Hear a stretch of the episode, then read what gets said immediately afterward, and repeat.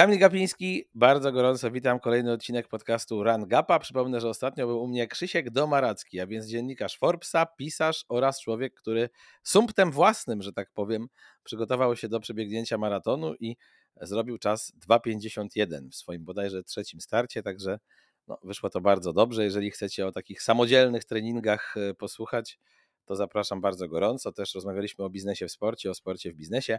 Wcześniej też zacni goście, innymi legenda naszych biegów Marcin Lewandowski, innymi jeden z lepszych biegaczy górskich na świecie Bartek Przedwojewski, innymi Adam Korol, czyli mistrz olimpijski we wioślarstwie, który po zakończeniu kariery na wodzie podjął karierę na lądzie i zaczął biegać amatorsko, doprowadzając swój rekord maratoński bodajże do wyniku 2,48, jakoś tak z tego co pamiętam, także też no, zacny rezultat.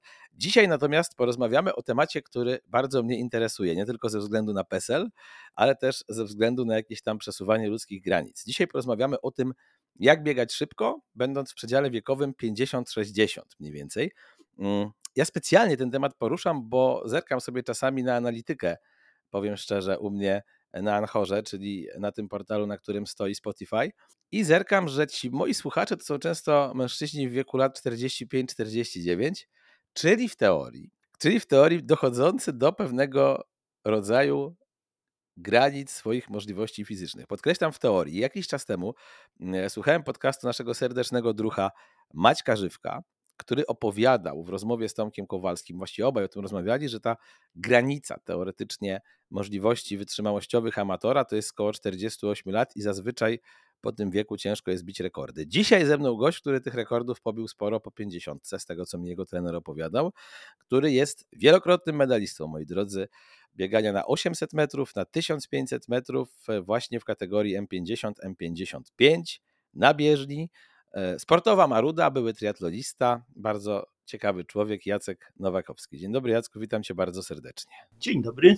Tutaj muszę dodać, że się obaj bardzo poświęciliśmy, moi drodzy, żeby nagrać ten podcast, ponieważ e, umówiliśmy się na 8.30 w poniedziałek. Ja myślałem, że to może jest jeden z takich, nawet miałem zapytać Jacka, czy to nie jest jeden, jedna z tych składowych, które sprawia, że on tak szybko biega w tak dojrzałym wieku, ale potem mi powiedział, że to nie są jego godziny, więc, więc nie jest tak, że codziennie piąta rano wstajesz, jesz owsiankę i idziesz biegać. Zacząłbym od tego, jak ty patrzysz właśnie na te teorie mówiące o tym, że amator age grouper, o ile oczywiście nie zaczynał nie wiem, wieku Sergiusza Sobczyka nie odkrył sportu mając 20 parę lat i nie wykręcił jakichś niesamowitych wyników mając lat 30, do których potem nie można już nawiązać, bo po prostu nie można.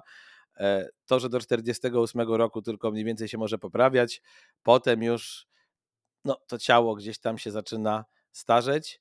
Ty się z tym zgadzasz, czy właśnie absolutnie nie? Czy myślisz może na przykład, że zazwyczaj tak jest, a ty, czy Marcin koniecznie jesteście jakimiś, nie wiem, wyjątkami, które oszukały trochę czas? Ja nie jestem y, wyjątkiem, Marcin Konieczny na pewno tak. I zgadzam się z tą teorią, że po 48, jak to określiłeś, piątym roku życia, swoich wyników poprawić się nie da, bo to widać po zawodnikach, którzy y, mają za sobą karierę biegową, w ogóle sportową. No ale to wiesz, to mówimy o profesjonalistach, nie? Ja bardziej do amatorów piję, że, że amatorzy, czy też twoim zdaniem, wiesz, no ktoś odkrywa sport tak jak Marcin na nowo, mając lat 38, E, no to wiadomo, że jakby, że jakby biegał mając lat 25 czy 27 i zrobił jakieś niesamowite wyniki, to ich nie pobije. No ale jednak Marcin cały czas gdzieś tam się poprawiał, około 50 nawet, nie?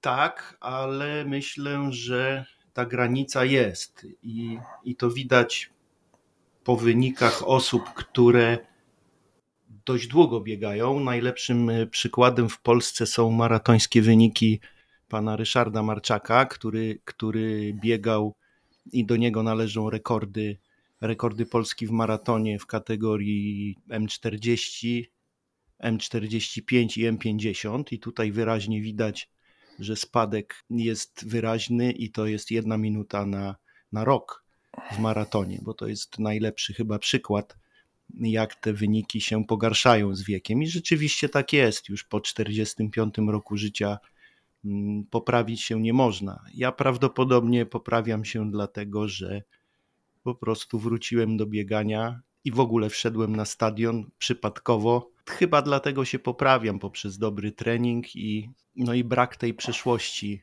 wyczynowej na, na stadionie. W jakim wieku ty odkryłeś lekkoatletykę? Bo mm, mi nawet pisał twój trener Kubacza, ja kiedy poprosiłem go o takich kilka zdań o tobie, że Jacek jest odstępstwem od reguły i po 50 ma swoje życiówki.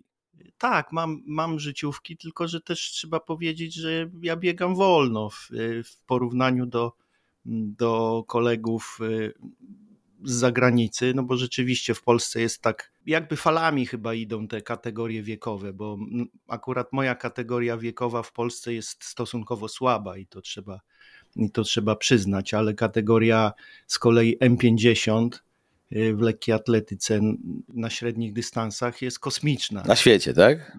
W Polsce. W Polsce, w Polsce, okay. w Polsce kategoria M50 jest na światowym poziomie i to samo M60. Natomiast moja M55 jest po prostu słabe, tu się nie, nie możemy oszukiwać, dlatego, dlatego jest też ten margines y, na poprawianie się.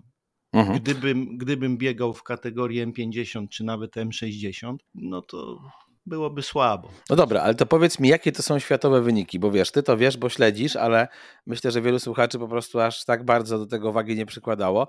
Y, w jakim tempie trzeba biegać, nie wiem, 800 metrów czy 1500 metrów w kategorii M50, żeby to był światowy wynik, żebyśmy mieli rząd skali? I dokładnie to samo pytanie dotyczące kategorii M60. W kategorii M50, żeby, żeby zaistnieć na y, światowej, czy na europejskim poziomie, czy światowym, wynik powinien oscylować w granicach 2 minuty 2 sekundy, oh 2 minuty 4. W kategorii M60 y, jest to na poziomie 2 minuty 8, 2 minuty 12 maksymalnie. Także nie są to wolne biegi. No to mi się kojarzy z, chyba z wynikami takich polskich biegaczek na 800 metrów pro, tak? Dobrze kombinujesz? Tak, tak. Podobne, podobne dwa, czasy chyba, nie? Tak, 2-2 to już jest to już jest y, solidny wynik y, kobiet na poziomie polskim i nawet chyba europejskim można by się tam kręcić na meetingach. Ale ludzie, którzy ten wynik osiągają z twojego e, doświadczenia i z twojej wiedzy, to są zazwyczaj goście w stylu, nie wiem, Marcina Nagórka, którzy wcześniej biegali i podtrzymują tę karierę i po prostu mają tę bazę e, wytrzymałościową z czasów juniorskich czy zawodniczych, czy raczej to są ludzie, którzy bardziej właśnie w stylu Mkona koło 40 e, wrócili do sportu lub odkryli sport i tak się po prostu przez tę dekadę, nie wiem, wylaszczyli, że tak powiem, młodzieżowo i do takich wyników doszli. Jak to zazwyczaj Oba wygląda? Typ, okay. czyli, czyli są to zawodnicy, którzy mają za sobą przeszłość biegową i to taką wyczynową, Większość z nich y, ma tą przeszłość taką może nie do końca skonsumowaną, właśnie jak Marcin Nagórek i, i większość moich znajomych, ale też tacy, którzy odkryli bieganie po czterdziestce. Nigdy wcześniej nic nie robili, ale okazuje się, że ich organizmy są e, po prostu genetycznie tak dobre, że w krótkim czasie są w stanie osiągnąć bardzo, bardzo dobre wyniki ale tych jest mniejszość. Przeważnie na tym wysokim poziomie biegają y, byli zawodowcy, których organizmy pamiętają i prędkości, i objętości treningowe. I zachęcam tu Marcina Lewandowskiego, żeby pobiegł. Nie wiem, czy słuchałeś I... naszej rozmowy, on chyba nie bardzo już teraz. Nie bardzo, ale z fotela wstając i tak by, i tak by pobiegł tyle, co trzeba, aczkolwiek, aczkolwiek ostatnio Adam Czerwiński poprawił rekord Polski na 1000 metrów w kategorii M35 wynikiem 2,25 bodajże. Już mi się robi słabo. Natomiast dla mnie. I czekam na jego starty. Teraz powiem Ci, dla mnie zawsze tym wyznacznikiem, oczywiście jako osoby, która ileś tam razy w życiu maraton przebiegła, był ten długi królewski dystans. I pamiętam, teraz sobie odpaliłem jeszcze internet, żeby sobie przypomnieć i się upewnić, ale jak sprawdziłem wyniki z tegorocznego maratonu w Londynie, Jacek, w kategorii Twojej, czyli M55, to ja się kurna złapałem za głowę. Teraz dam ci, że tak powiem, e, małą zagadkę. Jak myślisz, jaki czas miał zwycięzca? M55 Maraton Londyn. Myślę, że w granicach 2,20, 2,19 powinno to być. No nie, no aż tak szybko. M55, M55. Chwileczkę. Reyes, no. Reyes Esteves, lat 47 w Walencji 2,18. Przy, przy czym ten wynik nie jest tak porażający jak jego wynik na 10 km czyli tygodnie wcześniej, czyli, y, czyli 28 minut 50 chyba Matko sekund. Boska. I to jest wynik w 47 roku życia. No tak, Przypominam, to... że rekord Polski w maratonie Ryszarda Marczaka w kategorii M50 to jest 2,20 7,52 chyba. Ten rekord, który chce pobić Marcin. Z tym, że pan Marczak był chyba profesjonalnym biegaczem, tak? Wcześniej tak. No właśnie, to, to, też to to ta poprzeczka jest inaczej zawieszona. Ale patrzę na tą twoją kategorię i ja jestem w szoku. Posłuchaj, ja jestem w szoku, bo Berg, który wygrywa, y, robi 2,36, natomiast gości, którzy łamią trójkę, łamią trójkę w tej kategorii wiekowej, przypomnę, M55-59 jest, Ale- mój drogi, 45. bo 2,36 w tej kategorii wiekowej to nie jest wynik dobry. M55, tak? tak, tak. To jest przeciętne bieganie na takim szybkim To poziomie. jak, jak, jak to jest możliwe, że ci ludzie tak zasuwają w tym wieku? możliwe. W tym biegu, w którym e, we Frankfurcie, w, w czasie maratonu we Frankfurcie, Tommy Hughes z Irlandii przebiegł w dwa, niecałe 2,28, miał wtedy 59 lat i 10 miesięcy. I to jest wynik. I on też chyba był profesjonalnym biegaczem, Tak, prawda? tak, no był właśnie. profesjonalnym biegaczem, był na igrzyskach, ale też miał w, swojej, w swoim życiu epizod alkoholowy dość poważny. Wyszedł- Czyli jest dla mnie nadzieja, że będę tak szybko biegał? Jest dla, ciebie, jest dla ciebie nadzieja, że będziesz tak biegał, ale Dobrze, ja, dobrze myślałem, wiedzieć. ja myślałem na połowie dystansu, że, że ten pan biegnie w jakiejś sztafecie, ale na mecie... A ty byłeś tam, oglądałeś byłem, to, tak? Byłem, oglądałem ten bieg, ale jak witałem, znaczy chciałem witać Emkona z otwartymi ramionami na mecie, patrzę, ten pan dalej biegnie, a Emkon za nim, hen hen. No nie takie hen hen, bo półtorej minuty, ale jednak No, na tym poziomie się- już head head. tak, to już było hen hen, ale okazało się, że, że to jednak jest możliwe. Ja trochę ten podcast chcę nagrać ku pokrzepieniu serc, bo mam takie wrażenie, że mając kilku kolegów, którzy trenują mając 40, 45, 47 lat, że łapie ich pewnego rodzaju kryzys właśnie odnośnie tego, że doszli do granic swoich możliwości i ich nie przeskoczą. Co byś takim ludziom powiedział w tym momencie? No nie przeskoczą i tyle. Tak to wygląda. Trzeba po prostu mierzyć się z. Ale z nie tym, są nadzieją właśnie ci szybcy biegacze, że jeszcze możesz, jeżeli powiedzmy nie startowałeś z wysokiego pułapu i trenujesz dopiero parę lat, że jeszcze możesz tam, wiesz, w 50 czy 52 roku, roku życia te rekordy trzasnąć, no ty jesteś tego najlepszym Można, przykładem. można, oczywiście, można poprawiać się do pewnego momentu, ale później droga jest jedna, nie ma, nie ma poprawiania, bo to jest fizycznie niemożliwe. Ale poprawiać się można, oczywiście, można zmienić dystans, można zmienić dyscyplinę. E, Z którego roku masz życiówki na 800 i na 1500 metrów? Na 1500 z zeszłego roku, na 800 z 2019, niestety. Okej, Ale czyli próbowałem wiele razy, ale to też jest kwestia biegu, ponieważ w Polsce akurat w mojej kategorii trudno nam się biega, dlatego że jest nas, jest nas niewielu, aktualnie trzech czy czterech zawodników. Możliwość poprawienia życiówki zależy od tego, w jakiej konfiguracji startujemy na zawodach, dlatego że w samotnym biegu nie da się poprawić życiówki. Ten bieg musi się odpowiednio ułożyć, e, odpowiednie no, prowadzenie. Jeżeli jego nie ma, a, a biegnie się solo, no to, to, to jest ciężko. Czyli jeszcze ustalmy, że tak powiem, kwestię wieku. Jak miałeś e, w 2019 roku życiówkę na 800 metrów, to miałeś ile lat? 53. Czyli w zeszłym roku, nie trzeba tutaj być doktorem matematyki, miałeś 56, jak pobiłeś rekord na 1500, Na tak? 1500 metrów i z całą pewnością nie jest to ostatnie słowo. Akurat na, na 1500 metrów jest mi chyba łatwiej, tak przynajmniej Jakub Czaja twierdzi, a ja z nim nie polemizuję, tylko wykonuję polecenia. Bardziej mi ten dystans pasuje. Popatrz, a Marcin Lewandowski siedział dokładnie w tym miejscu, co ty parę tygodni temu i powiedział, że to jest morderczy dystans, dużo gorszy od 800 metrów. Czy ja wiem? Dwa razy trudniejszy. Powiedział, że tu jest takie przełożenie, że jest prawie dwa razy dłużej i dwa razy trudniej. I dodał, to nie oznacza, że na 5000 metrów jest cztery razy trudniej, żeby, żebym Tak. miał jasność, ale ja że... z że to jest- też nie będę polemizował. Inna liga i A gdybyś ty dzisiaj miał właśnie, wiesz, tak sobie na spokojnie usiąść i pomyśleć, skąd takie wyniki, skąd te rekordy po 50 roku życia, u ciebie akurat, to z czego to wynika? Chyba z pracy. Z pracy i treningu i tego, że po prostu chcę jeszcze biegać. Aczkolwiek, jak mawia, jak mawia profesor Robert Gajda, w danym momencie nie wygrywa lepszy, tylko bardziej zdrowy. I to się potwierdza, że ten, kto jest bardziej zdrowy, ten w zawodach wygra. Do urazów dojdziemy, natomiast mi powiedział Kuba To tak. nie są urazy, to po prostu są To po prostu wiek. wiek E, tak predyspozycje i rozsądny trening skupiony na słabych stronach typu siła. To była odpowiedź Kuby Czaj, kiedy spytałem skąd te wyniki u Jacka po 50. Tak, siła też. y, Treningi takie personalizowane, y, ciągłe, ciągłe konsultacje i marudzenie, słynne marudzenie. Tak, Jacek Trenerowi. musicie wiedzieć, jest jedną z większych marud, jakie poznałem, a Jestem poznałem mistrzem, wiele. Jestem mistrzem świata w marudzeniu, ale Kuba się do tego przyzwyczaił i ma to głęboko w, Tak trzeba, ja, ja też tak ciebie traktuję. Jak ty marudzisz, to ja po prostu jednym uchem wpuszczam, drugim tak wypuszczam i to myślę, wygląda. nadal go lubię, niech sobie popierdoli. Bo czekaj, bo mówimy o jakim wyniku na 800 metrów i jakim na 1500. Jeszcze ubierzmy to w konkretne ramy czasowe u ciebie.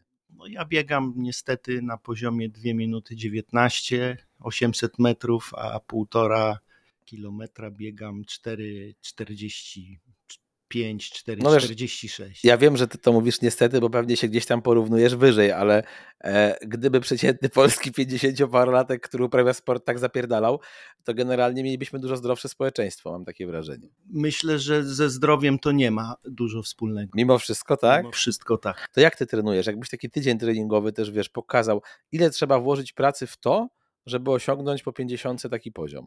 No Ja trenuję od 7 do 9 razy w tygodniu, z czego dwa treningi to, to, to jest jednak basen.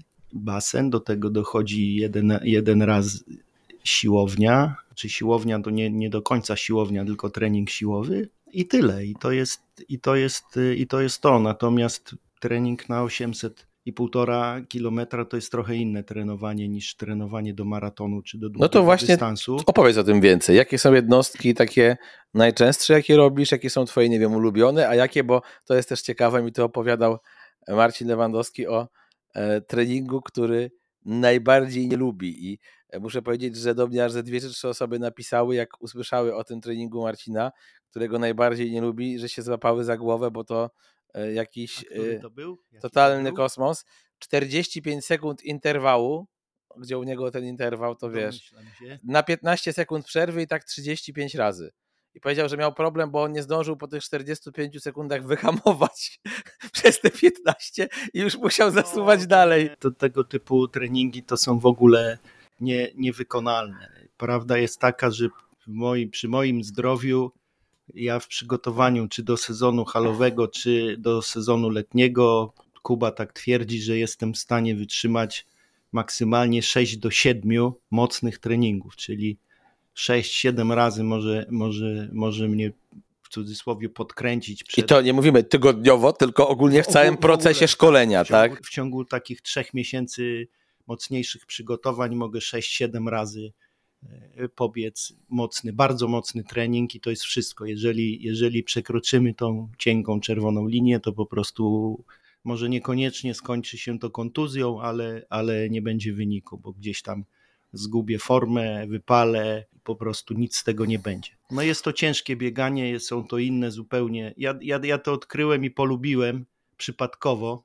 No, parę lat temu po jakiejś imprezie targowej Kuba wskazał za konieczne pobiegnięcie 1500 metrów na stadionie na Warsaw Track Cup, żeby zobaczyć, gdzie jesteśmy. No i okazało się, że całkiem dobrze to wyszło. Ja wtedy chwyciłem bakcyla i tak już zostałem na tym stadionie. I rzeczywiście ta, ta, ta rywalizacja jest inna, są inne prędkości, jest to mniej nudne niż szykowanie się do maratonu. Nie ma, nie ma tych wybiegań wielogodzinnych i wielokilometrowych. Czyli jak wygląda twój lekki trening, a jak wygląda ten ciężki, który możesz zrobić 6-7 razy przed startem? Jakbyś trochę więcej o nim opowiedział. Lekki trening to jest po prostu wybieganie, nie przekraczające z reguły 14-16 kilometrów, co nie jest jakimś, jakimś wielkim obciążeniem, jeżeli patrzy się na przygotowania y, do maratonu. Po ile wtedy biegniesz, czy tak raczej bez zegarka? Na czuja? W zasadzie to na czuja, ale z reguły y, są to prędkości typu 4,40, 4, 4 minuty 40 do 5 minut na kilometr, czyli tak, tak okej. Ja bym już dzisiaj tak nie pobiegł, więc pozazdroszczę. No ale pamiętam, że biegaliśmy po lesie Razem, Kabackim to prawda. dużo Nawet się zgubiliśmy razem Nawet w lesie się Kubackim. Zrobiliśmy parę kilometrów więcej. Ja muszę powiedzieć, że myślałem, że się nie da w Lesie Kabackim zgubić, bo biegałem tam od 10 lat regularnie, po czym raz zgubiłem się z Jackiem, a raz z Grześkiem Szamotulskim, e, naszym byłym biegaczem, wróć, bramkarzem, reprezentantem Polski i legendą Legii Warszawa i potem stwierdziłem, że po prostu to bieganie w duetach nie służy, bo człowiek się zagada, nie wie gdzie skręcił tak. i nie wie gdzie jest potem. Tak, i trochę kilometrów można dołożyć, ale akurat w Lesie Kabackim. To przyjemność. To, tak. Tak. No dobra, a ten trening mocny, taki wiesz, ten, że myślisz no. o nim już trzy dni wcześniej, to jest jaki? To są przeważnie takie odcinki y, typu 600, 400, 200 biegane na, y, nadprogowo na stosunkowo krótkiej przerwie i razy trzy na przykład. I to jest, i to jest trening. Bieżnia rozumiem bieżnia, wtedy, bieżnia. tak? Tak, absolutnie. Tu nie ma biegania już wtedy po, po żadnym asfalcie, bo przy takich trzech seriach z reguły pewnie Marcin Lewandowski wszystko biega w kolcach już przed, tuż przed... On się urodził w kolcach. On ponoć. się urodził, no, nie zdejmował nigdy. Tak. tak, on śpi w kolcach. Natomiast ja biegam przeważnie dwie serie w butach i tylko ostatnią serię w kolcach, żeby za bardzo nie obciążać nóg, bo to też później się odczuwa mocno. To jest taki trening, o którym właśnie, bo zazwyczaj tak jest, przynajmniej w triatlonie tak ludzie mają i w bieganiu maratonów, że jak masz ten taki, wiesz, dostajesz od trenera plan i jest ten trening na czerwono zaznaczony, ważne, szybko i tak dalej, to człowiek wie, że on jest w piątek, ale tak od wtorku nad tym treningiem już rozmyśla, czy no, tu jest podobnie, czy niekoniecznie. Tak, jest, jest, jest mocno podobnie i myślę, że, że nawet y, strach przed bólem i przed tym treningiem jest dużo, dużo większy niż przed maratonem, a myślę, że po przebiegniętych 28 maratonach wiem, co mówię i, i wiem, że jest to różnica znaczna. Czyli ty przeszedłeś inną drogę niż Kenijczycy czy Etiopczycy ja. z maratonów na bieżni, a nie z bieżni ja, na maraton. Ja w drugą stronę i być może to jest też y, powód tego, że aktualnie nie, no nie jestem w stanie tak biegać szybko ze względu na tą przeszłość niestety maratońsko-triatlonową. A w jakim ty wieku w ogóle odkryłeś ten sport amatorski? Kiedy ty pierwszy maraton przebiegłeś? Ile miałeś lat? Myślę, że w granicach 30 roku życia, może trochę wcześniej 90, 95 roku.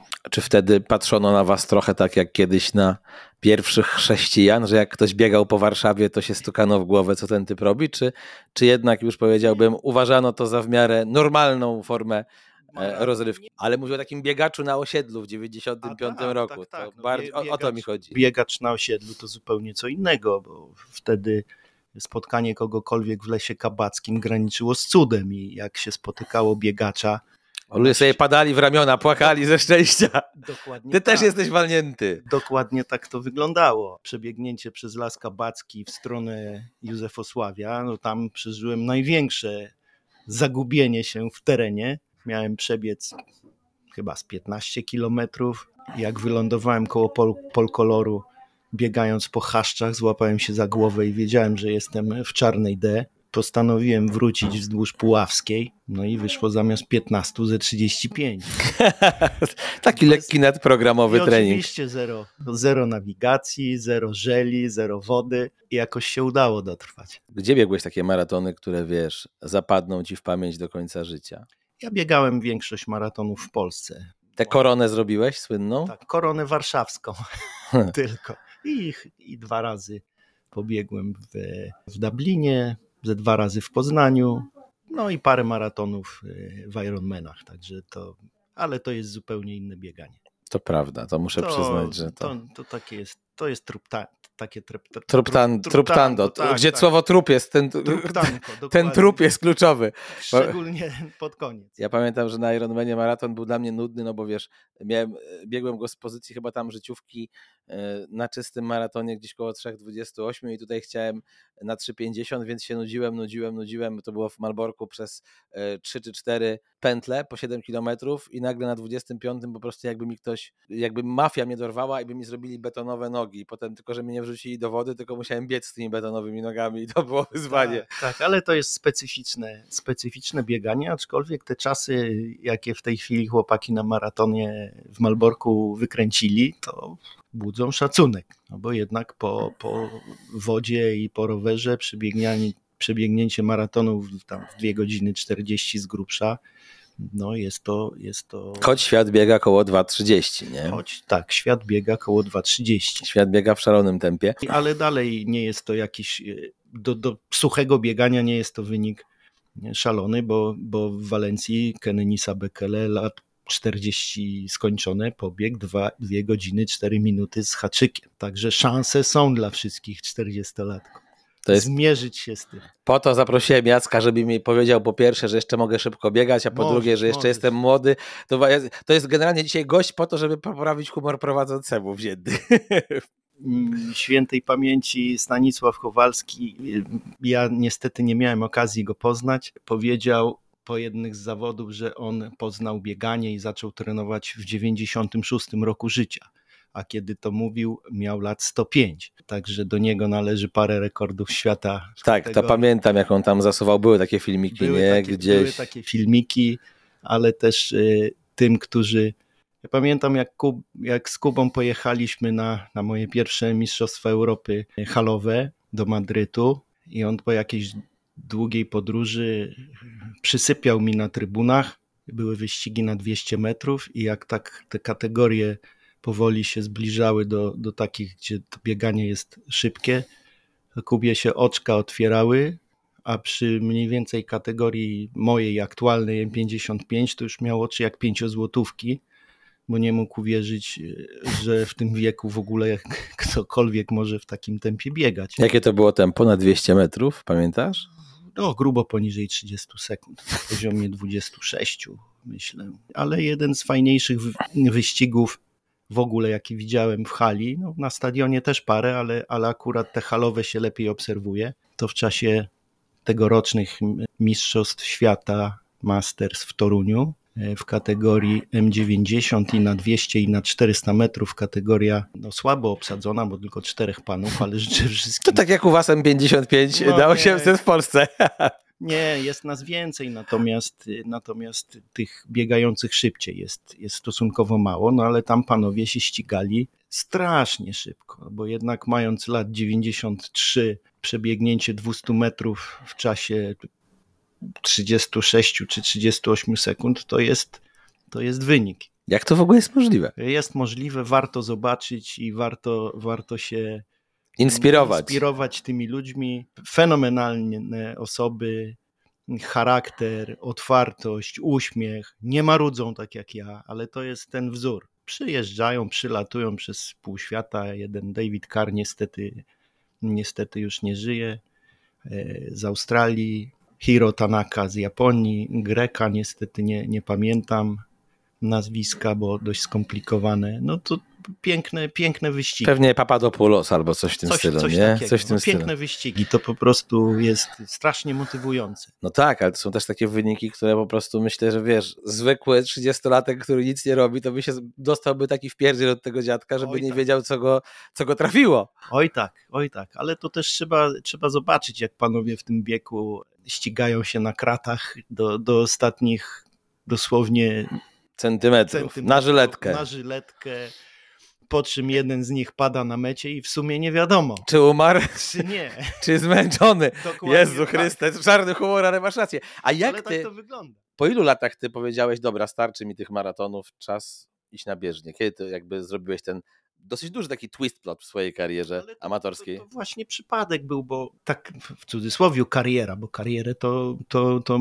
Dlatego powiedziałem amatorskiej karierze. Amatorskiej, tak. No ja zacząłem biegać stosunkowo wcześnie bo w sumie w sporcie i w treningu y, lat już jestem 52 w takim ciągłym, także, ale nigdy genetycznie nie, nie dane mi było się na jakiś taki poziom zawodniczy wzbić i zdrowie nie pozwalało i były różne przerwy, kontuzje, zmiany dyscyplin wymuszone przez właśnie przez zdrowie bądź, bądź zmianę miejsca zamieszkania, ale biegać biegam od dawna, od, od szkoły podstawowej w zasadzie bez przerwy.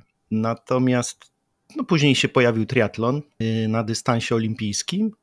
Później zrealizowałem to marzenie. Chyba marzenie wszystkich wystartować w Ironmanie i ukończyć. Tam się troszkę powoziłem w tym Ironmanie i znowu wróciłem do, na olimpijkę, bo to takie w sumie powolne ściganie w Ironmanie mnie po prostu przestało bawić, bo to jest powolne. A ile tych Ironmanów zaliczyłeś, zanim cię przestało bawić? Siedem. O panie, to też nieźle. No. Siedem, ale to takie, no to to takie wożenie się jest. Zupełnie inna intensywność jest na olimpijce, poza tym jazda na kole, zabieg e, słynny, monstrualny, no i później, i później ten bieg na 10 kilometrów, gdzie już też, też trzeba trzeba się pokazać. No i tak jak, tak jak wspominałem, po, już, już trenując z Kubą pod olimpijkę, ten test na 1500 metrów bieżnia, zapaliła się jakaś lampka, nie wiadomo skąd, ależ to jest fajne, to jest zupełnie inna rywalizacja, tu się coś dzieje, tu inne życie. No i już tak zostało. Mhm. Nie mówię, że, że nie wrócę do triatlonu, bo drzwi są niezamknięte, ale przymknięte, ale i tak, jak mawia Andrzej Skorykow, i tak wszyscy na końcu będziemy pływakami. A powiedz, e, do jakiego wyniku wyśrubowałeś swój maratoński rekord i ironmański rekord, że tak powiem? Nie, tutaj nie miałem jakichś, jakichś wielkich e, osiągnięć, ale też po prostu przerwałem ten trening, bo w maratonie pobiegłem 3 godziny 3 minuty, a w Ironmanie 10 godzin i 7 bodajże. To ja bym chciał mieć takie rekordy, także... Ale w dzisiejszych czasach, jak wiesz, to jest żaden wynik. To prawda, ale... To się wszystko przesunęło. Czy wiesz, jest i nie jest to ciągle, jak ja zerkałem, to tam mój rekord 3,18 na maratonie, to w większości biegów w Polsce maratońskich jesteś w tej dolnej granicy górnych 10%. O, tak bym to, tak, to jeżeli, tak bym to jeżeli, powiedział. Jeżeli liczymy to procentami, to tak, ale bywały takie maratony warszawskie, że z wynikiem typu 3,5, 3,10 to spokojnie w pierwszej setce, a nawet y, kiedyś mi się trafiło 50 któreś miejsce, gdzie w tej chwili biegając tam 3 godziny 5 minut, 3 godziny 7, to ho, ho. Już zdążą, wszyscy już tam tak. sprzątają tak. na mecie. dawno jest po dekoracji. Tak, tak. E, ja chyba swój rekord to zapamiętałem, bo A w rodzinnym Płocku, a B taka charakterystyczna liczba, otóż 6,9, czyli 69 miejsce e, na 700 czy 800 biegaczy i to było w 2013 bodajże roku i to był czas, wiesz, tam godzina 33 czy godzina 34. Dzisiaj podejrzewam, że 69 miejsca z takim czasem bym nie zrobił w jakimkolwiek półmaratonie, w którym startuje 700 osób. A nie wiadomo, bo ja też sobie, też sobie przypominam cały czas i staram się tu mieć z tyłu głowy to, co mi koledzy z Wielkiej Brytanii kiedyś y, przed startem powiedzieli, bo ja oczywiście zacząłem marudzić, a po co ja tam z wami będę biegł i tak dalej. I tak za wolno. I tam czwarta liga.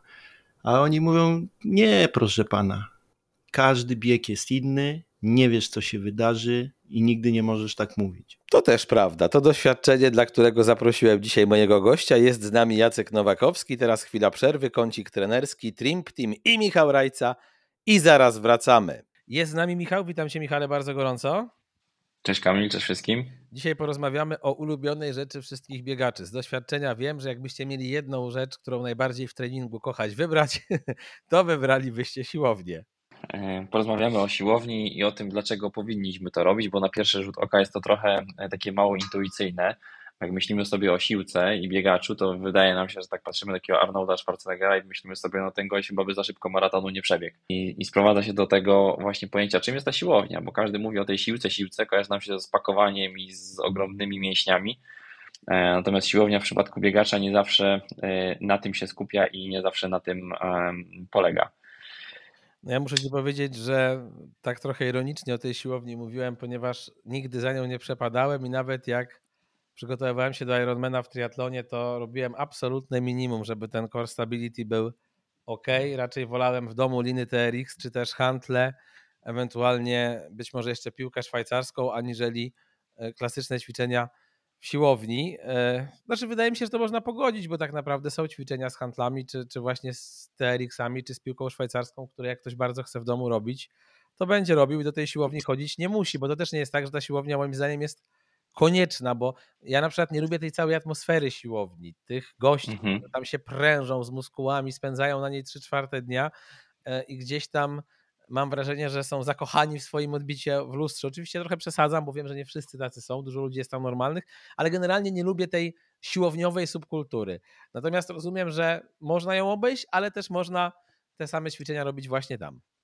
Tak, no i to jest dokładnie to, o czym, e, o, o czym chciałem powiedzieć, że to ta siłownia w, w, treningu biegacza, czy w treningu tam triatlonisty, czy generalizując już w treningu wytrzymałościowym, o którym rozmawiamy, jest trochę, to trochę inna od tego, co standardowo robi się na siłowni. I, I na pewno nie polega ono na tym, żeby tam wycisnąć 150 na klatę.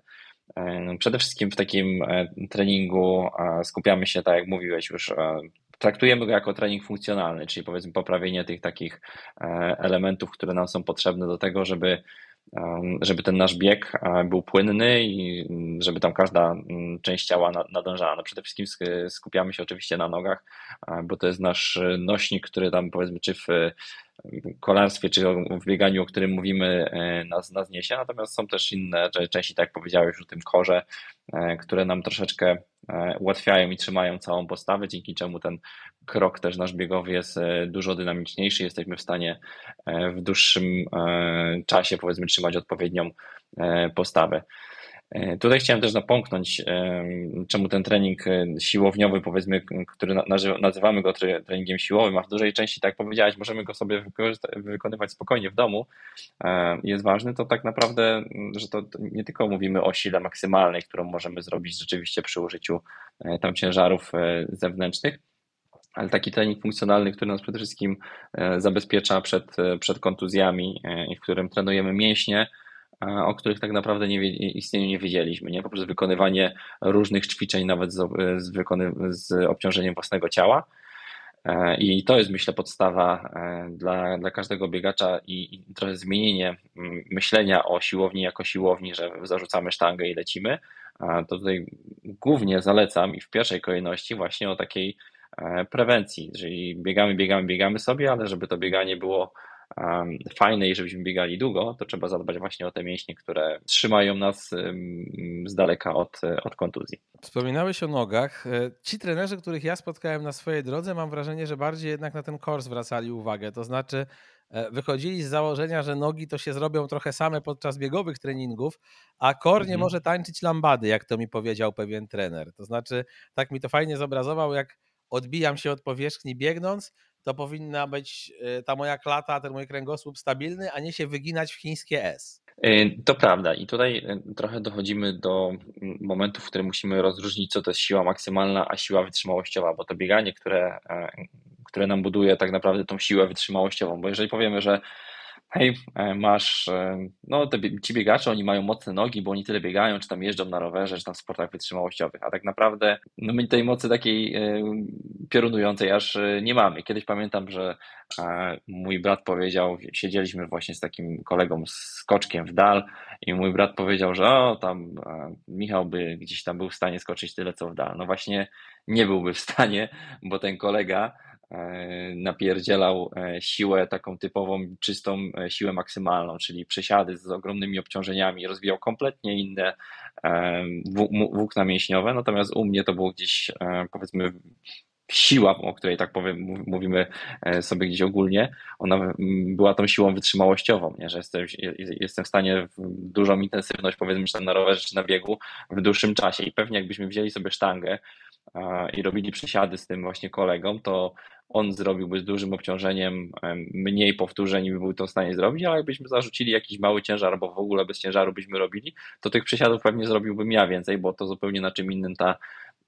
ta to zadanie by, by, polegało. Mam nadzieję, że nie zapętliłem się w tym, co, e, co mówię. Jest to w miarę zrozumiałe, czyli jestem w stanie na małym, z małym obciążeniem e, dużo powtórzeń wykonać, natomiast osoba, która ćwiczy rzeczywiście taką siłę maksymalną, jest w stanie wziąć duże obciążenia, krótkim okresie czasu. I tutaj e, są różne oczywiście podejścia. My w treningu wytrzymałościowym też powinniśmy nad tą siłą maksymalną e, pracować. Natomiast jak sobie zobaczycie takich prawdziwych lekkoatletów, którzy powiedzmy przyszukują się do biegu na stówę, albo płotków, albo jakichś tam jeszcze krótszych dystansów, to oni tą siłę wykonują zupełnie dużo jej więcej przede wszystkim i też w trochę innych proporcjach. Tam rzeczywiście kilka tych powtórzeń wchodzi w grę, żeby te włókna e, szybko kurczliwe były jak najbardziej e, pobudzone i żeby tak naprawdę budować ich ilość. Nam, e, powiedzmy, długasom, czyli osobom, które gdzieś biegają dłuższe dystanse, sporty wytrzymałościowe, trochę więcej tych włókien wolno kurczliwych mimo wszystko jest potrzebnych i tak naprawdę nadmierne budowanie takiej maksymalnej siły do końca nie jest nam potrzebne. Natomiast tutaj przytoczę taki też przykład, żeby uzmysłowić, czemu to jest potrzebne jeżeli masz osobę, którą, która jest w stanie przebiec, nie wiem, 100 metrów e, w ciągu 10 sekund, a druga osoba jest w stanie przebiec to w ciągu 15 sekund, E, to łatwiej takiej osobie, która biega to 10 sekund, będzie przełożyć na dłuższy dystans, bo jej wartość, e, jej prędkość, przepraszam, e, tak jakby startowa, w, którą on, w której ona biega, już jest dużo wyższa niż tej osoby, która biega 15 sekund na setkę i każde powiedzmy tam przekładanie to na dłuższy dystans będzie powodowało, że ona już jest tak jakby troszeczkę uprzywilejowana. Czyli jeżeli mamy osoby, które sobie gdzieś tam kiedyś biegały szybko za czasów lekkoatletycznych 400 metrów, 500 metrów czy tam tysiaka, E, no to nawet jak zaczynają trenować do, do sportów wytrzymałościowych czy do maratonu, to one już mają powiedzmy z założenia trochę lepiej, bo to ich średnie tempo, e, ta ich ekonomia e, biegu już jest na dużo wyższym poziomie. Tutaj ostatnio mieliśmy na przykład Adama Kszczota, który się tak sławny było to, że się przygotował do treningu, do maratonu w Nowym Jorku i tak naprawdę podejrzewam, że gdyby te przygotowania E, i jego były odpowiednie, czyli to by nie było tak powiedzmy szarpane, to on by na spokojnie był się w stanie przygotować na poniżej 2,30, bo ta jego powiedzmy prędkość, od której on zaczyna jest zupełnie e, inna. Jak się nie przetrenować? Da się, powiedziałbym, u zawodników, amatorów na podstawie ich doświadczenia i możliwości jakąś taką optymalną liczbę wizyt w siłowni ustalić podczas przygotowań biegowych. Ja z tego, co obserwuję swoich znajomych, to zazwyczaj jest to raczej jedna wizyta, maksymalnie dwie, rzadko kiedy więcej. Mhm, tu masz rację. Myślę, że maksymalnie dwie takie wizyty i to też w zależności od tego, na, na czym się dokładnie skupiamy, bo jeżeli to jest ta e, siła maksymalna, czyli bierzemy maksymalne tam ciężary, to naprawdę e, organizm wtedy mocno dostaje.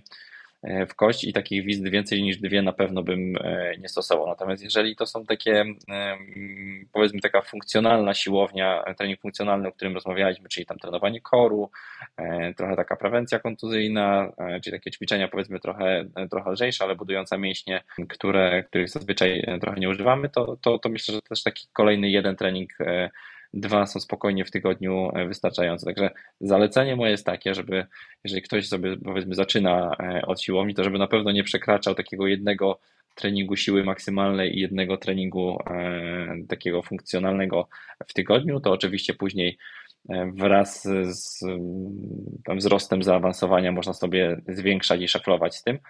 Myślę, że warto też wspomnieć o okresie, kiedy coś takiego warto robić, bo tak samo jak z polaryzacją treningu, czyli robieniem akcentów, powiedzmy, e, przed jakimiś, w, da, w danym okresie e, przygotowań, czyli powiedzmy, że tych akcentów robimy dużo e, przed i takiego treningu specyficznego przed samym startem i to nam daje taką kompensację, że tam powiedzmy odpoczniemy tydzień czy dwa tygodnie przed zawodami i mamy superpowera, tak samo troszeczkę jest z treningiem siłowym, czyli jeżeli my damy takich bodźców, takiej siły maksymalnej, włożymy do organizmu i ona się jeszcze trochę zbiegnie z akcentami, to może się okazać, że e, jeżeli powiedzmy za późno skończymy z tą siłownią, to organizm będzie przemęczony i ta superkompensacja powiedzmy nastąpi dopiero po, po, po tym starcie głównym. Także tutaj też zwracam na to uwagę i warto tą siłownię na pewno w okresie e, zimowym, czyli w czasie, w którym przeprowadzamy tą rozmowę, wprowadzić do swojego planu, tak żeby nam trochę oddała na lato. No właśnie, jakie są jeszcze takie błędy, które ewentualnie biegacze lub ich trenerzy popełniają przy tych wizytach w siłowni najczęściej? No tutaj myślę, że najczęstszym, najczęstszą rzeczą, która, która, która nam może przynieść niepożądane skutki w treningu siłowym, to jest nieprawidłowe wykonywanie e, ćwiczeń, gdzieś tam obciążanie e, partii ciała, które, które mogą prowadzić do kontuzji. Tutaj mam na myśli na przykład martwy ciąg. E, jeżeli nie do końca mamy opanowaną technikę, zaczynamy obciążać plecy i bardzo szybko sobie te plecy możemy zniszczyć. W przypadku innych ćwiczeń to oczywiście ma e, mniejszy lub większy wpływ, także tutaj zdecydowanie radzę, jeżeli ktoś jest początkujący, e, może zaopatrzyć się w, w trenera przygotowania siłowego, który gdzieś tam nas pokieruje e, i pokaże, jak te ćwiczenia prawidłowo wykonywać. E, no a takim typowo skutkiem, o którym przed chwilą też e, wspomniałem, myślę, że warto go jeszcze raz powtórzyć, to jest to, że mm, ja bym traktował siłę mm, taką maksymalną, którą ćwiczymy, jako kolejny akcent i, i wprowadzenie nadmiernej jej ilości może prowadzić na pewno do przemęczenia. No dobrze, to mam nadzieję, że biegacze się jakoś do tej siłowni będą przekonywać, choć chyba nie jest to łatwa relacja. Natomiast ciekaw jestem właśnie, jak to wygląda E, u ciebie i u twoich znajomych, którzy biegają tak bardziej profesjonalnie? To jest raczej takie zło konieczne, czy nauczyliście się już tych e, te treningi siłowe, że tak powiem, w jakiś sposób lubić, wiedząc, że i tak niejako jesteście na nie, powiedziałbym, skazani na tym poziomie. I tutaj przejdę do, do, do tematu, w którym, o, o którym chyba nie wspomniałem, bo ta, ta, ta, ta siłownia, z którą powinniśmy się zaprzyjaźnić przede wszystkim, jeżeli biegamy po górach. I w moim przypadku, ja od kiedy e, zacząłem trochę więcej już e, po górach e, biegać, to zdałem sobie sprawę i widziałem też na swoim własnym przykładzie, jak ona pozytywnie wpływa.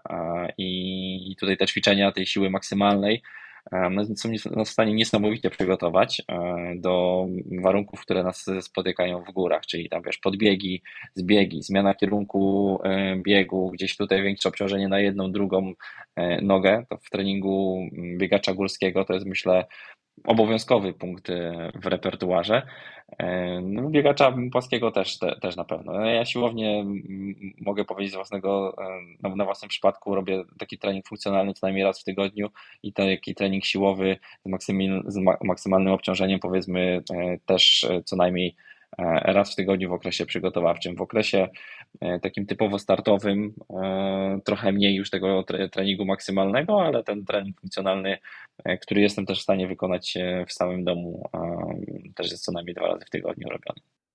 Wracamy do naszego podcastu. Przed chwilką Michał Rajca, Trim Team, kącik trenerski, ze mną Jacek Nowakowski, biegacz, który zdobył sporo medali Mistrzostw Polski na 800 i 1500 metrów. Amator. Amator, tak, w kategorii M50 i M55. Rozmawiamy dzisiaj o tych niesamowitych wynikach ludzi w wieku średnim, powiedział, albo nawet bardziej niż średnim, bo ci 90-parolatkowie to już jednak seniorzy. Oni dalej na nas mówią, że jesteśmy gówniarze. gówniarze. Może nie gówniarze, ale juniorzy. Ja miałem taką akcję, słuchaj, kiedyś. Chłopaki biegać. W 2017 roku, a propos takiego wieku, Wsiadłem do taksówki i jadę na spotkanie z moją późniejszą dziewczyną i słyszę jak facet... Którą? A, to już zostawmy to. W każdym razie słyszę jak gość mi opowiada o Powstaniu Warszawskim, przypomnę, 2017 rok. I tak zaczynam, wiesz, tak mi się coś, że on nie mówi z perspektywy, że mu opowiadał, nie wiem, dziadek czy ojciec, tylko uczestnikiem. Ile pan ma lat? A on mówi 92.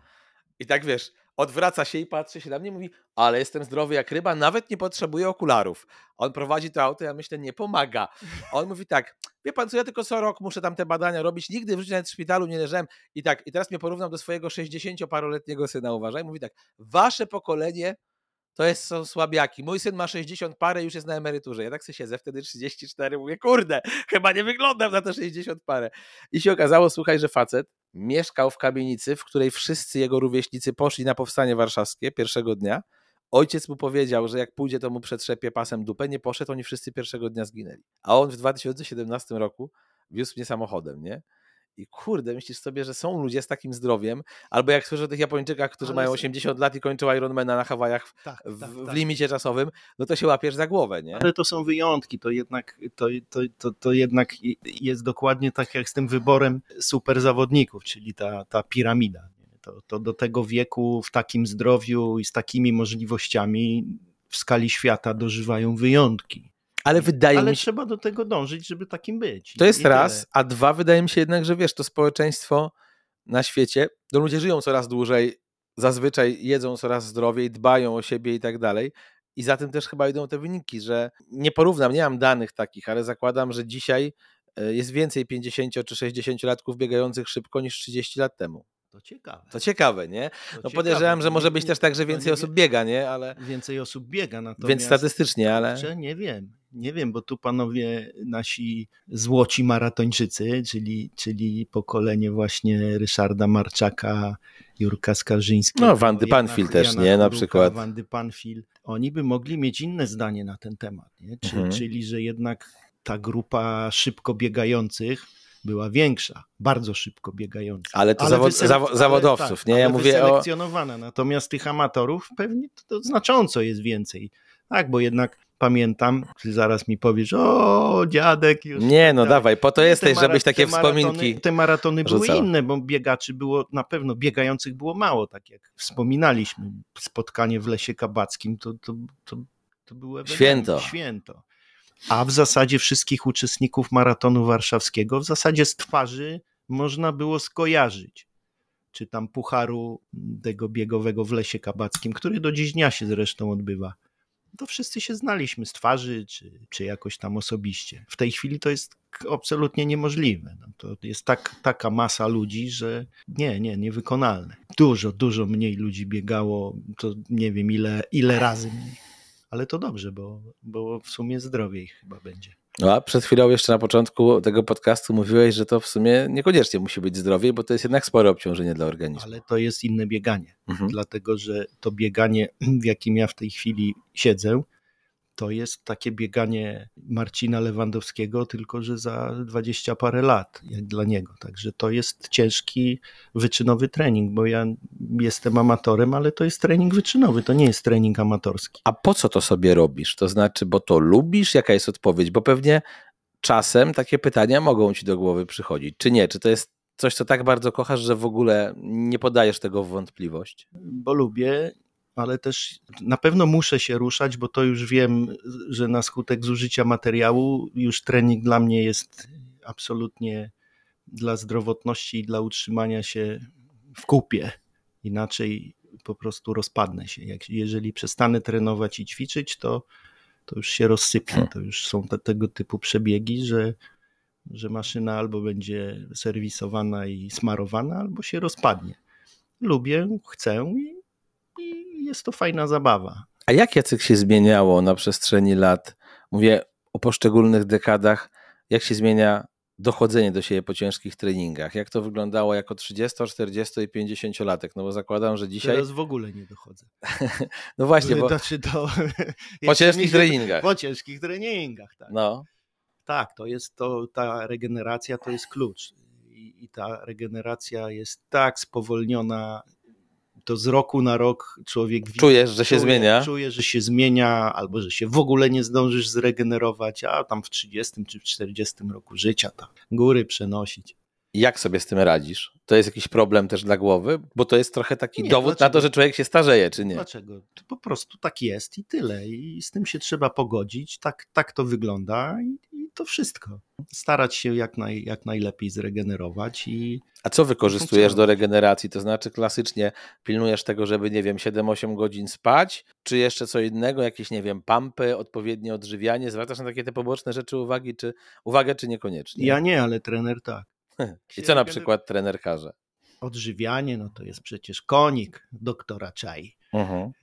ale, ale też sen, odpowiednie ustawienie treningów, oczywiście wszystkie te masażery, kąpiele lodowe. Ja nie, akurat nie jestem fanem wchodzenia do zimnej wody, bo, bo w życiu już w zimnej wodzie za dużo popływałem, nurkując też ładnych kilkanaście lat i ta zimna woda mnie odrzuca, ale te wszystkie nogawki z zimną wodą, bo, bo taka opcja tych słynnych, uh-huh. Tego słynnego drenażu limfatycznego też istnieje, czyli połączone z krążącą wodą lodową i to, i, i, i to jest ta metoda takiej próba przyspieszenia regeneracji, plus jakieś tam suplementy, ale też suplementy takie delikatne, bo Kuba z racji swojej wiedzy wie, że 99% tej chemii nie działa po prostu. Tak, ostatnio też wspominał o tym, że to jest tak. tylko mały procent. I to jest, I to jest prawda. Tutaj mój trener od y, przygotowania siłowo-motorycznego Michał Stadnicki pokazał mi kiedyś listę suplementów, które w 100% wiadomo, że działają, które być może działają i tych, które na pewno nie działają. No i przeżyłem ciężki szok, bo tych z udowodnionym działaniem jest może pięć. Pięć, dosłownie. I Czyli masz też trenera od przygotowania motory... siłowego, siłowego tak? Siłowo-motorycznego. I to są już takie ćwiczenia kierunkowe, bo z racji tu licznych kontuzji już ciężary są nie dla mnie, więc. Czyli jakie ćwiczenia warto wykonywać w tym wieku? Wszystkie, które hmm. można. A jakie, jakie ty możesz, precyzując? O, ciężko mi powiedzieć, bo to ja nie decyduję o tych ćwiczeniach, w ogóle staram się o tym nie myśleć. Po to masz trenera, żeby myślał mam... za ciebie. Dokładnie tak. Ja, to, to nie jest moja rola się zastanawiać. On to dobiera odpowiednio do, do, do tego, jak ja mu zeznaję, że się czuję, co będę robił. Kolejny punkt, treningi a piwko, bo jednak czasami piwko lubisz sobie strzelić, znamy się nie od dziś. Nie, no lubię, jak, jak lubię, to wygląda? jak, jak to wygląda? To przeszkadza, pomaga? To zależy od ilości. No tak, dlatego pytam. Jedno piwo nikomu jeszcze nie zaszkodziło. Choć niebawem będę robił podcast, który będzie obalał te teorie, ale dobra, do tego dojdziemy. No, myślę, że Kuba pewnie jak śpi, to się obudził. Jak to, jak to mówię, nie, jest zakaz piwkowania już y, przed y, zbliżającymi się startami. Na ile dni przed? No, myślę, że ze dwa tygodnie, trzy tygodnie to już jest odstawienie y, do zera piwkowania. A w takim tygodniu treningowym to jest zazwyczaj jak piwko wieczorem, czy, czy raz na No, parę w tej dni? chwili w ogóle, ale tak, jedno, jedno piwo wieczorem. Ale też mam zgodę trenera Hmm. na, na jedno piwo noc przed startem. Dlatego, że ono mnie doskonale wygasza, Łatwiej zasnąć. łatwiej zasnąć i ten, i ten uzysk z tytułu lepszego snu jest większy niż szkody tytułu, niż szkoda z tytułu wypicia tej odrobiny alkoholu. A jak patrzysz na tych najszybszych biegaczy właśnie na świecie age grouperów, to tam też się zdarza, nie wiem, u Francuza lampka wina właśnie, u Włocha lampka wina i tak dalej, czy... Ależ oczywiście. Nie, nie zachęcam, natomiast nie jest to taka asceza, że tam szybcy biegacze. Tylko którzy- trenują, śpią, e, Dokładnie jedzą tak. i tyle, nie, tak? Nie, nie, nie róbmy z, z alkoholu jakiegoś, oczywiście z od, odpowiedniej ilości tego alkoholu, jakiegoś wroga. Ja akurat robię, ale o tym, tak jak powiedziałem, będzie nie- niebawem podcast na początku Nie, no, roku. Znamy się, Ma, mam znamy- bardzo mocnego gościa, który będzie obalał wszystkie alkoholowe mity, natomiast więcej powiem na początku roku. się zgadzam, że alkohol, alkohol jest oczywiście straszną używką, ale, ale też kieliszek wina nikomu, nikomu nie zaszkodził. A ale powiedz- jak sobie powiesz nie i, i się tego trzymasz, a chyba się jeszcze trzyma, Tak, ja już ponad dwa lata się trzymam. no tak. to jest piękna sprawa. Co z Twojego doświadczenia wieloletniego wynika, że moglibyśmy od tych właśnie najszybszych biegaczy z całego świata, z różnych age group wziąć? To znaczy, jest coś takiego na przykład, co oni mogą robić, a my w Polsce sobie na to nie możemy pozwolić, albo w czym oni nas dzisiaj wyprzedzają? Wiesz, na takiej zasadzie jak, nie wiem, Legia Warszawa czy Raków Częstochowa patrzą na bogatsze, większe europejskie kluby i zastanawiają się, jaki oni mają know-how, którego my nie mamy, poza pieniędzmi. No. Nie mieszajmy piłki do lekkiej Ale ja tak, wiesz, rzucam Dla mnie, przykładem. Jak, jak wiesz, piłka nożna to No nie, jesteś fanem, tak, wiem. To jest łagodnie powiedziane. Nie chciałbym rozwijać tego tematu. Myślę, że nie ma, nie ma tutaj wielkich różnic poza, poza klimatem. Mogą sobie w Portugalii czy w Hiszpanii pobiegać całym rokiem w na dobrych kró- warunkach, na nie? Krótko, natomiast u nas wiadomo jak jest. Ale mamy przecież zawodników, age grouperów fenomenalnych i nikomu nie różnią się od tych trenujących na Wyspach, czy w Hiszpanii, czy w Stanach Zjednoczonych, czy w Australii. A gdzie szukasz właśnie powiedzmy zimą, jak jest naprawdę, no bo bywały takie sytuacje, pamiętam my nawet chyba kiedyś się umawialiśmy na Agrykoli i po prostu e, Nie było miło. no, ale też, Pogodowo. ale też no, wtedy, ale wtedy pobiegaliśmy, a była taka sytuacja, że pamiętam, że było chyba jakiś lód, śnieg, diabli wiedzą, co za gówno tam leżało.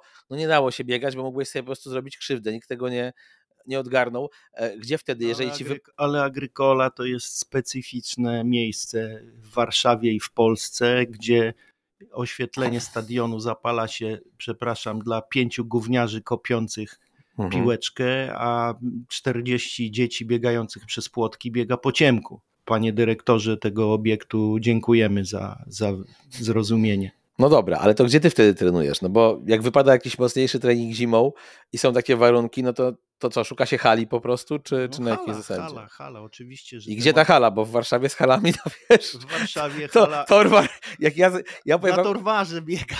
chyba po lodowisku. Ja, Tak, ci, ja, ja ci powiem, że szczerze, ja nie mogę tego w ogóle, mnie to śmieszy, ja jestem z Płocka i dzisiaj mój Płock ma największą halę na Mazowszu i to, że w Warszawie jest torwar największą halą.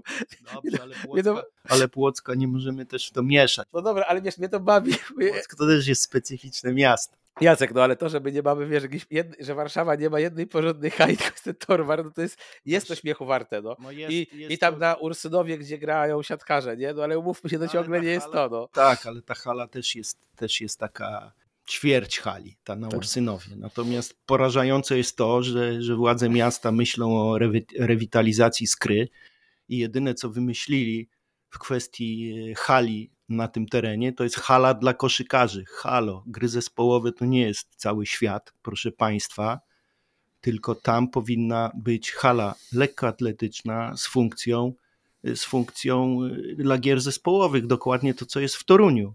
Przekształcenie hali lekkoatletycznej w halę, gdzie, gdzie grają twarde pierniki Toruń, to trwa pół godziny do godziny. No i tak to w XXI wieku I tak- powinno tak się wyglądać, bo to jest ta mega, ta multifunkcjonalność, Tak. prawda? I włos się na głowie jeży, że ktoś chce wydać kilkanaście czy kilkadziesiąt milionów na halę, która będzie domem dla koszykarzy. A ludzie, którzy chcą pobiegać na hali zdrowo, bo jest hala AWF-u, ale hala AWF-u jest niedostępna dla, dla ogółu- Zwykłego dla śmiertelnika. zwykłego śmiertelnika. Poza tym ma takie profile wiraży, że w pewnym wieku tam już się nie biega ze względów zdrowotnych, więc najbliższa hala jest w Spale. 116 kilometrów trzeba się przejechać raz w tygodniu na trening.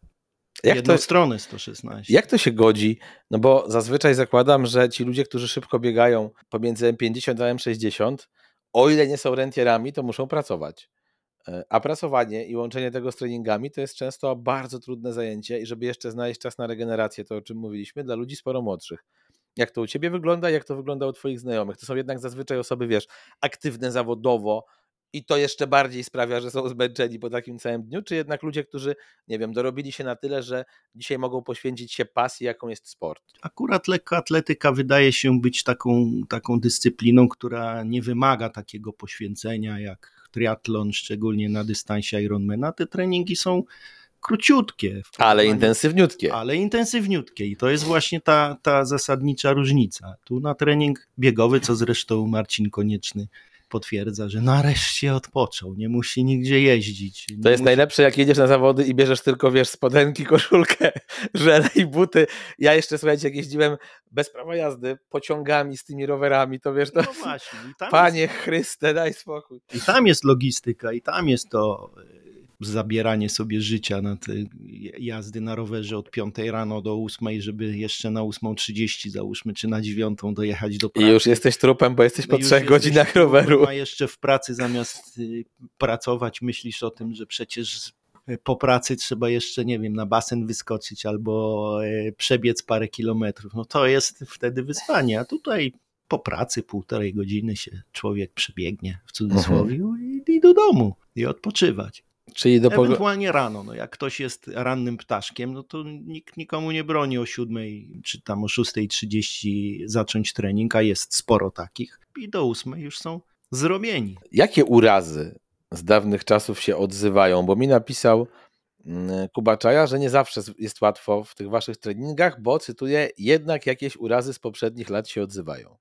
O tak, tak, te, te urazy to, to się po prostu nawarstwia, ale to wszystkie naderwania, wszystkie jakieś zwapnienia po starych kontuzjach, to potrafi odezwać się w, praktycznie w dowolnym momencie. Już pomijam tam kwestię urazów kręgosłupa, bo to też jest dość, dość typowym. Ale są takie na przykład, wiesz, kontuzją. top 3 kontuzje biegacza po 50, bo jak patrzysz, przepraszam, że znowu ten przykład, którego nie lubisz, nie? No ale e, u piłkarzy najczęściej zazwyczaj są to albo naderwania mięśniowe, albo zerwania, achille, e, zerwania więzadła krzyżowego. Czy u biegacza właśnie w, tych, w, tych, w tym 10-letnim przedziale 50-60 masz takie kontuzje, że najczęściej po prostu słyszysz, że komuś stało się to czy tamto? Ja myślę, że przy takim bieganiu, nawet jak kojarzę te wszystkie kontuzje, których się nabawiłem przez głupotę albo przez y, nadmierny trening, przez te wszystkie lata, no to są zapalenia ścięgien Achillesa, naderwanie mięśnia dwugłowego, czy tam naciągnięcie. To są takie typowe rzeczy. No, oczywiście kwestie z łąkotkami, to też klasyka dla, dla biegaczy. No, problem raczej więzadeł krzyżowych nie występuje, bo ciężko sobie urwać więzadło biegając, ale to też się wiąże z tym, że jak chcesz szybko biegać, to raczej z piłki nożnej, siatkówki i koszykówki rezygnujesz, ze, właśnie ze względu na to, żeby nie nabawić się urazu więzadeł. Ale tak, wszystko związane ze, ze stopami, z Achillesem. Z Twojego doświadczenia, jak patrzysz na swoich rówieśników lub starszych biegaczy, to są ludzie, którzy biegają raczej dlatego, bo chcą dożyć starości we względnym zdrowiu i jakby nie godzą się z przemijaniem, dlatego utrzymują aktywność fizyczną na wysokim poziomie, bo nie chcą, nie wiem, stanąć przed lustrem i kiedyś powiedzieć, jestem już starszym panem czy starszą panią, czy po prostu są to ludzie, którzy kochają sport, gdzieś tam go czują, e, i dlatego go uprawiają. A może jedno i drugie, bo tak naprawdę jedno drugiego niekoniecznie musi wykluczać. Myślę, że to są wszystkie te kategorie, bo tak jak spotykamy się na, na meetingach czy na Mistrzostwach Polski, to są i tacy, którzy, którzy rywalizują czysto dla przyjemności i to widać, że, że to jest ta grupa, która chciałaby żyć zdrowo i sportowo, ale też jest grupa, która się ściga na śmierć i to, i to, nie, i to na pewno nie jest zdrowe. No i też I to jest takie prostu, zacietrzewienie tak, pewnie siebie tak, robi, nie? Mocne. To, tak, to jest rywalizacja i myślę, że im, nawet jak się patrzy to na, na te starty, to ci starsi są bardziej zawzięci i bardziej rywalizują i tak rzeczywiście do, do kompletnego wydrenowania z energii. Co ty byś, Jacek, dzisiaj poradził właśnie, tak jak ci mówiłem, że Zazwyczaj mnie najwięcej słucha biegaczy lub też triatlonistów w tym przedziale 40-45. Ludziom z tego przedziału wiekowego, którzy nadal chcą trenować, jakich błędów w najbliższym czasie nie popełniać, na co zwracać uwagę, korzystając z tego Twojego bogatego doświadczenia i tego, że byłeś tam kilkanaście lat temu i na pewno jakieś wnioski masz. Unikać kontuzji przede wszystkim unikać kontuzji, unikać głupich kontuzji, takich, które wynikają nie wiem, z zaniedbania przysłowiowej rozgrzewki, z zaniedbania tego rozciągania, w ogóle tych zaniedbywania tych ćwiczeń okołobiegowych, bo to uważam, gdybym przez całe życie słuchał się starszych, hmm. To byłbym zdrowszy i pewnie osiągałbym lepsze wyniki. To o tym tutaj Marcin Rosłoń mówił, że mówisz, to jest bardzo tam, ważne, żeby a, to... tam nie mam czasu, nie chce mi się, a po co mi to, przecież jest super, wszystko, wszystko działa, nie będę się rozciągał, nie będę, nie będę chodził na jogę, nie, nie pójdę na basen, po co mi to, wszystko jest super. Nie, nie, nie, nie, nie na, to, na te wszystkie poboczne rzeczy zwracać uwagę jak najbardziej. Tak, i to zazwyczaj mnie zawsze trochę dziwiło, że wiesz, ludzie są w stanie. No i regeneracja. Wykroić. Słynna regeneracja. Ale proszę, do tego dojdziemy. Natomiast, że ludzie są w stanie, wiesz, wykroić dwie godziny na trening, a już im się nie chce siedmiu minut na rozgrzewkę przed i powiedzmy siedmiu minut na jakieś tam ćwiczenia rozciągające po. Że to już jest problem. Tak, albo, albo te, te zadane ćwiczenia rozciągające przez trenera wykonać oglądając no, film. Włączysz sobie Netflixa, cokolwiek, tak czy mecz, czy no ty nie mecz, ale wiesz o co mi chodzi. No, naprawdę możesz to zrobić przed telewizorem. Mecz, nie? Ważne, no i ta regeneracja, bo też mi się wydaje, znaczy, wiesz, ja też myślę, że ci, którzy przechodzą, bo sam byłem w tej y, y, grupie, więc ja mogę powiedzieć z perspektywy moich 10 lat, że pomiędzy 30 a 40 rokiem życia ja też już widzę znaczną różnicę w regeneracji. To była i różnica w regeneracji w piciu, i różnica w regeneracji w wysiłku fizycznym. Ja wiem, że oczywiście ktoś 50-letni czy 60-letni powie, dzieciaku, poczekaj, zobaczysz, jak to będzie za 10 lat. Wiem o tym, ale ja niezależnie od tego też już te różnice widzę. Tak, różnica jest ogromna, ale też to, to, też jest śmieszne, jak się tak na to, na to spojrzy. Mówi, ale fajnie teraz. O, kiedyś to to człowiek się regenerował. A teraz jest, jest zabawa z tym, żeby, żeby się zdążyć zregenerować w wyznaczonym czasie. Czy też no, nie w wyznaczonym, tylko w takim, jaki się ma między startami czy, czy między wyścigami. I to jest, i to jest fajne. To też a, jest śmieszne. A rówieśnicy, którzy są twoimi znajomymi i raczej nie trenują, jeżeli takich masz, to patrzą na ciebie z pobłażaniem, że stary zgłupiał i cały czas biega, czy raczej z takim podziwem, że mu się chce? No, już się przyzwyczaili ale też sami zaczęli niektórzy, widząc, widząc tych, którzy zaczęli i się w to bawią, biegać, czy pływać, czy jeździć na rowerze. Ja nie mam wśród swoich znajomych w zasadzie nikogo, kto by czegoś nie robił, czegoś nie robił w mniejszym lub większym stopniu. Wiesz, mi się też wydaje, że niektórzy. Nie znam takich. Że ludzie odkrywający sport koło 50. No chyba, że ty teraz. to prawda. Czekałem na jakiś Ale strzał i jest. Zabawy. 50-60 lat też są pewnie ludzie, którzy właśnie ten sport uprawiają i gdzieś odkrywają, no bo siłą rzeczy pan lekarz mówi, że tutaj coś, kołatanie serca, tutaj 15 kilo za dużo, tutaj cholesterol za wysoki i też no, tak trafiają po prostu 15, do sportu. Tak, jak masz 15 kilo za dużo, to, to trzeba coś z tym zrobić. To ja znaczy, dzisiaj. Mo możesz, ale nie musisz. No. Cholesterol to chyba tylko kwestia diety, ale i, ale i ćwiczeń. A ty wierzysz w te hasło mm, Marcina Koniecznego jebać talent, tylko praca, że ono jest też rzekłbym. To nie jest dobre hasło. No właśnie, bo Bog, Bog, Bogumił, Głuszko, nie ma, Bogumił nie, Głuszkowski. Nie ma czegoś takiego jak, jak jebać talent, tylko praca. Bogumił Głuszkowski, gdy z nim o tym rozmawiałem rok temu w Trigapie, opowiadał mi, że mu się to hasło nie podoba, bo z tego co pamiętam, nie podobało mu się to, że jest to pewnego rodzaju deprecjacja talentu, że talent też jest ważny. No jak bez talentu osiągnąć, osiągnąć y, wynik sportowy? Gdyby Marcin nie miał talentu, ale on to doskonale wie, gdyby on nie miał tego talentu, to by nie był tam, gdzie, tam, gdzie jest i nie, nie biegałby tak, jak biega i, i nie byłby mistrzem świata. Pracą by do tego poziomu nie doszedł A po prostu. Skąd w ogóle to jest inna liga? To nie masz talentu, nie masz tych predyspozycji wrodzonych, to żadna praca ci nie pomoże, no bo wiem to po sobie, mogę pracować ile chcę, a biegać tak jak Marcin Konieczny nigdy nie będę. Mhm. I, I tu się nie ma co oszukiwać. Czyli też się nie Jak oszukuje. dołożysz do tego talentu, no Boguś wie co mówi, do, do, do tego swojego talentu, jaki, jaki ci dano, dołożysz jeszcze pracę, to wtedy wychodzi, wychodzi wynik no nieprawdopodobny. Jest taki zawodnik biegający 800 i 1500 metrów, mm, Brytyjczyk. Starość pozwala mi zapomnieć imienia i nazwiska, który do 45 roku życia nic nie robił, ale to tak wspominałem ci o nim i nagle, nagle stwierdził, że dobra, rzuca fajki, rzuca alkohol i bierze się za lekkoatletykę i, i ni z gruchy, ni z pietruchy zaczyna 800 metrów biegać w czasie tam zbliżonym do dwóch minut, półtoraczka na poziomie 4,15 i to jest człowiek i co, i, i ile by pra- mógł pracować taki nieposiadający talentu, żeby tak biegać, to w ogóle Całe życie i tak by tak, Tak, nie pobiegł, to nie? są cyferki w ogóle nie wiesz- niewyobrażalne. Ale to jest kasus, wiesz, e, Michała Podsiadłowskiego, który kiedyś w triatlonie z grubego informatyka wszedł na rower i zaczął robić wyniki na pół Ironmanie e, lepsze niż, le, niż profesjonalni tak, kolarze w Polsce. Michał, No. Ale Michał Podsiadłowski jest też y, wzorem tego, jak nie należy. No tak, bo potem, należy bo teraz trenować, wrócił do nietrenowania i Bo niestety przegrzał centralkę, nastąpiło totalne odłączenie prądu i organizm już prawdopodobnie nigdy mu nie pozwoli wrócić na, na ten poziom, na jakim był. A co robić, żeby właśnie tej centralki nie przegrzać w amatorskim bieganiu po 50 plus?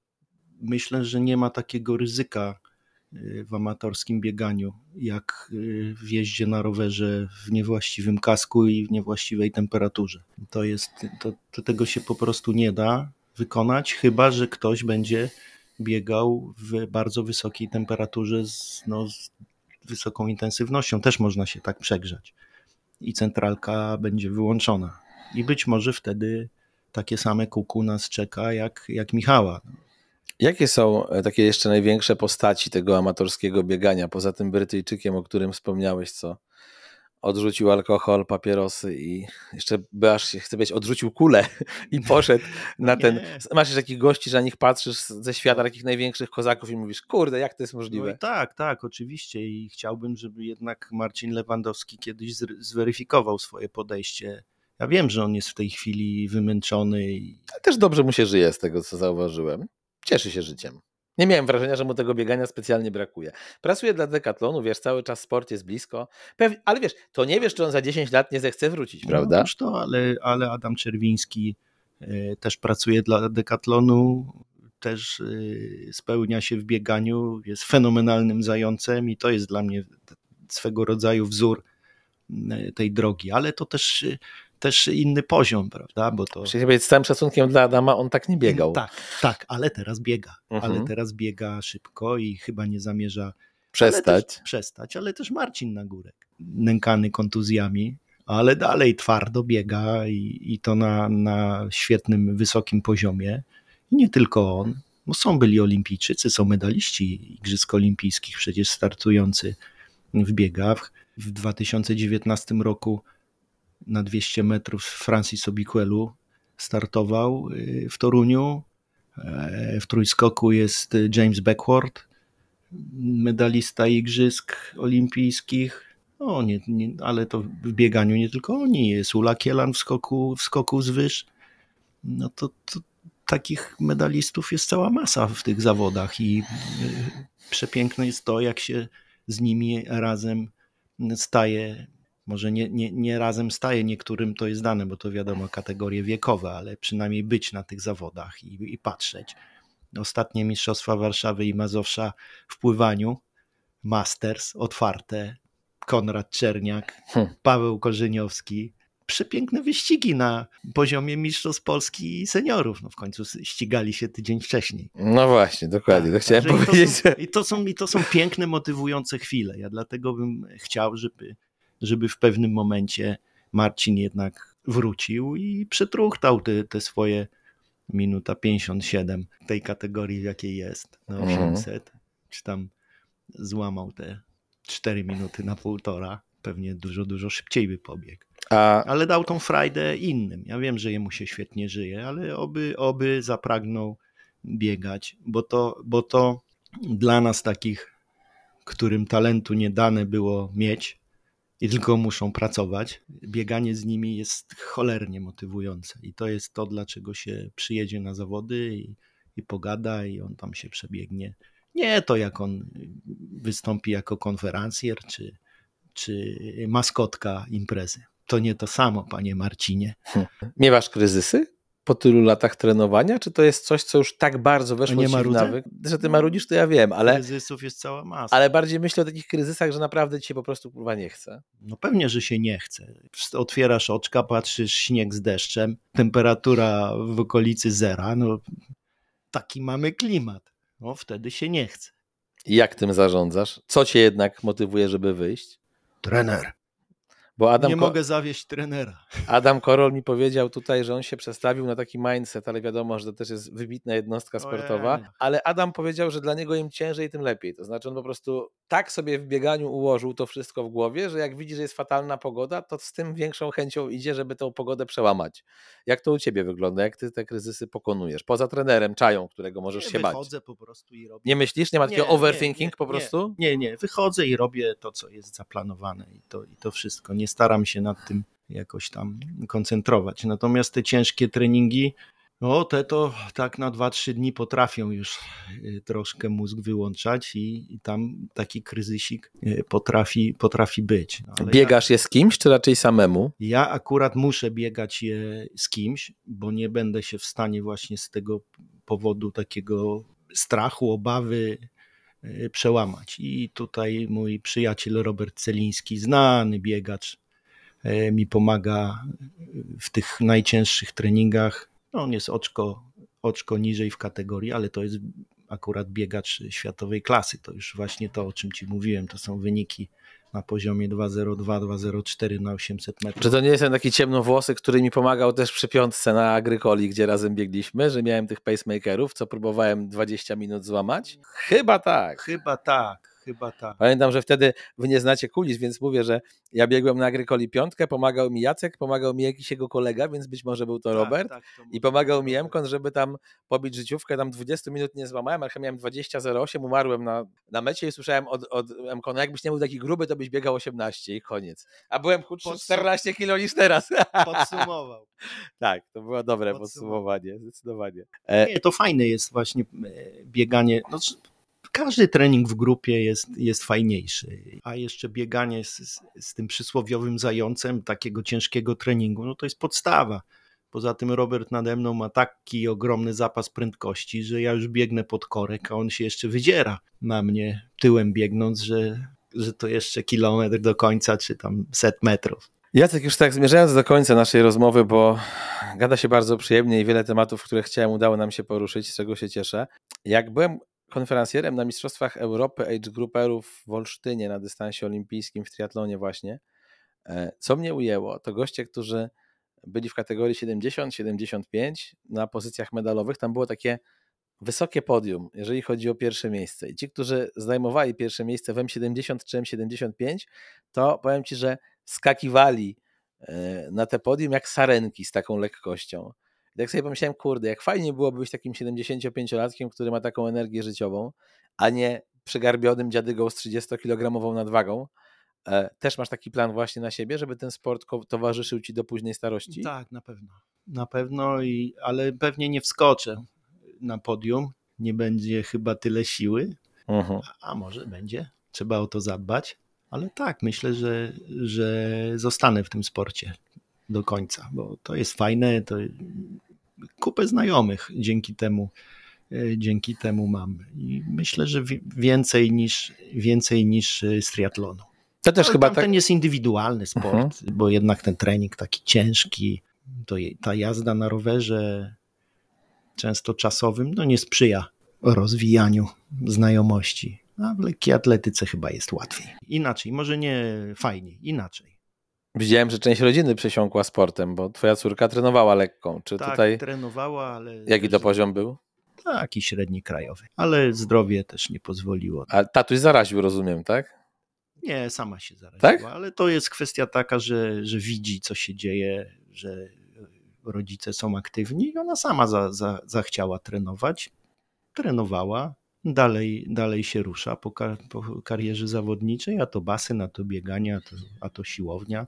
I myślę, że tak zostanie. Jacek Nowakowski, moi drodzy. Lata doświadczeń, dzisiaj wyjątkowo mało marudzenia, sporo merytoryki i takich, myślę, ważnych dla nas 40-latków przede wszystkim, którzy coraz bliżej tej kategorii M50 i M55 są e, przemyśleń. Dziękuję Ci Jacku za to, Dziękuję. że znalazłeś czas. Nie poddawać się, pozostać w sporcie, nie rezygnować. To jeszcze tylko dodam, że moją kolejną rozmówczynią, pierwszą w Rangapie, jak nic się nie, za, e, nie, nie zawali, to będzie Twoja dobra znajoma.